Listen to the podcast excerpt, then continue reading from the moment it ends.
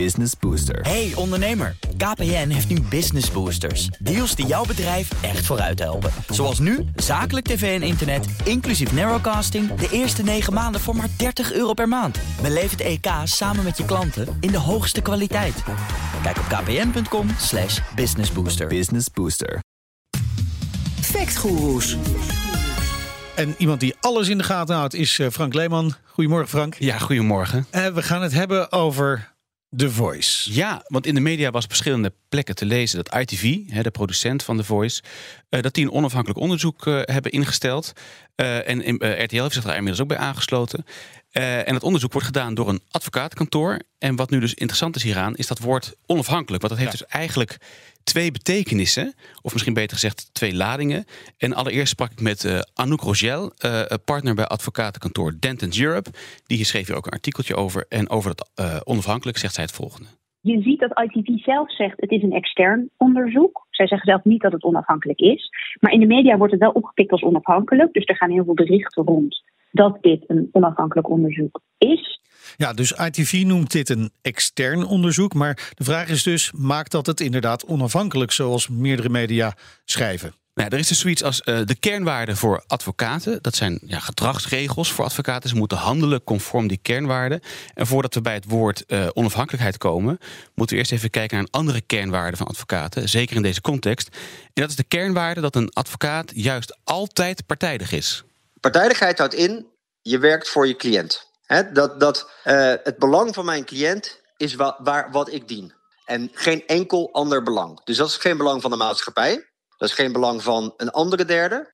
Nee, en dus ook niet het belang uh, van een kandidaat van The Voice. Dat was trouwens uh, Jeroen Soeterman, strafrechtadvocaat en lid van de Algemene Raad van de Orde van Advocaten. En ik vroeg hem ook zit, uh, hoe het zit met die kernwaarde onafhankelijkheid. Wat betekent dat dan eigenlijk?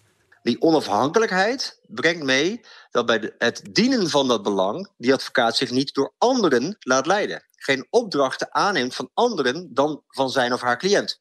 Um, en dat is ook geen andere invloed hebben op de uitoefening van de opdracht van de cliënt. Maar die onafhankelijkheid betekent dus... er zijn geen anderen die enige invloed kunnen uitoefenen... op het werk dat ik voor mijn cliënt verricht. Ja, in die zin kan je dus zeggen dat een onderzoek volgens onafhankelijkheid gebeurt... Maar dat betekent dus iets heel anders dan wat ja. leken, ik bijvoorbeeld, of he, niet juristen, en vooral ook slachtoffers uh, zullen denken bij het woord onafhankelijk. Ja, het is zeker niet zoals journalisten onafhankelijkheid interpreteren. Hè? Het is voor de klant in dit geval. Um, in hoeverre is dit nou weer, want dat is dus die andere term, een extern onderzoek of is het een intern onderzoek? Nou, eigenlijk is er in de richtlijnen van de Orde van Advocaten niet een gedefinieerd verschil tussen extern of een intern onderzoek. Een advocaat kan en mag interne feitenonderzoeken verrichten bij de cliënt. -huh. Dat soort onderzoeken hebben verschillende namen: corporate investigation of compliance onderzoek in sommige gevallen. Ja. Nou ja, ze kunnen het best een extern onderzoek noemen. Het dekt ook wel een beetje de lading dat we snappen van dat er is iets anders ingehuurd. Ja. Maar goed, volgens de richtlijnen van de Orde is dit een advocaat ingehuurd om interne feiten te onderzoeken. Ja, precies. Het is niet hoofd HR dat het gaat onderzoeken, bijvoorbeeld. Um, is zo'n onderzoek nou openbaar of kan zo'n onderzoek naar buiten worden gebracht? Nou, bij een onderzoek op deze manier komen de feiten zeker op tafel. Maar ja. die tafel staat dus wel in de boardroom van ITV. En ITV kan, kan besluiten om dingen naar buiten te brengen. Maar het kan volgens de regels van de Orde van Advocaten niet vooraf vastgelegd worden dat een onderzoek naar buiten gebracht wordt, uh, zegt ook Anouk Rochelle. Dus het kan best zijn dat uh, de, onder, de opdrachtgever heeft gezegd tegen deze onderzoeker: wat er ook uitkomt, het wordt allemaal openbaar. Ik vind dat helemaal prima. Maar dat is geen gegeven in dit geval. En omdat, het een, omdat in dit geval de onderzoeker een advocaat is, zal in ieder geval duidelijkheid moeten komen over hoe verhoudt zich dat tot de geheimhoudingsplicht. Want je mag als advocaat in de regel niet zeggen over wat je hebt aangetroffen. Ja, de richtlijnen zeggen dat de maatschappij erop moet kunnen vertrouwen dat advocaten hun beroepsgeheim serieus nemen. En een algemene afspraak vooraf om het beroepsgeheim prijs te geven, ja, is met dit uitgangspunt heel erg lastig. Kortom, het is aan de cliënt, in dit geval dus ITV, om te bepalen of er iets en zo ja, wat er dan openbaar wordt. En het is natuurlijk ook ja, dus lastig vooraf te beloven dat ze alles. Ja, precies. Ja, er is ook al wat kritiek hè, op dit onderzoek uh, en de onafhankelijkheid daarvan, zoals wij dat dan interpreteren. Uh, er zijn inmiddels ook al Kamervragen over gesteld. Ja, afgelopen zaterdag heeft VVD-Kamerlid uh, Ulise Elian Kamervragen gesteld aan minister voor Rechtsbescherming Frank Weerwind. En maar die vragen focussen zich meer op of dit wel wenselijk is. Uh, en daarnaast heeft het OM ook gereageerd, overigens in samenspraak met ITV, met de oproep dat slachtoffers van een zedelijk zich eerst melden bij de politie mm -hmm. en pas daarna uh, bij het onderzoek van ITV. Oké, okay. kortom. Nou ja, voordat we bij die conclusie komen, eerst even voor de goede orde. Hè. Het is natuurlijk hartstikke goed, wat jij ook al zei, dat ITV een onderzoek laat doen. Uh, en het is goed dat ze dat niet door een eigen manager of zo uh, laten doen, maar door een advocatenkantoor wat met integriteit ook een kernwaarde en zorgvuldigheid hiernaar zal kijken.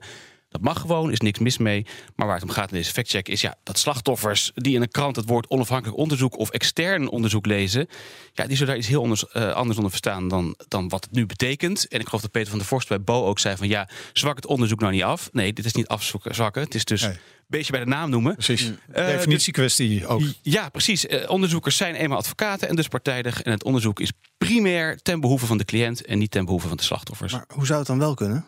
Even een moeilijke vraag nog. Als je zegt van nou, ik wil ook geen partijdig. Want ja, je zal, ITV zal altijd iemand betalen om zijn onderzoek te doen. Dus er zit altijd een soort. Ja, ja misschien dat een, een slachtofferhulpachtige ja. organisatie zo'n onderzoek kan laten gaan uitvoeren. OM-achtig, ja. Hmm. Oké, okay, interessant. Ja, misschien uh, de NVJ.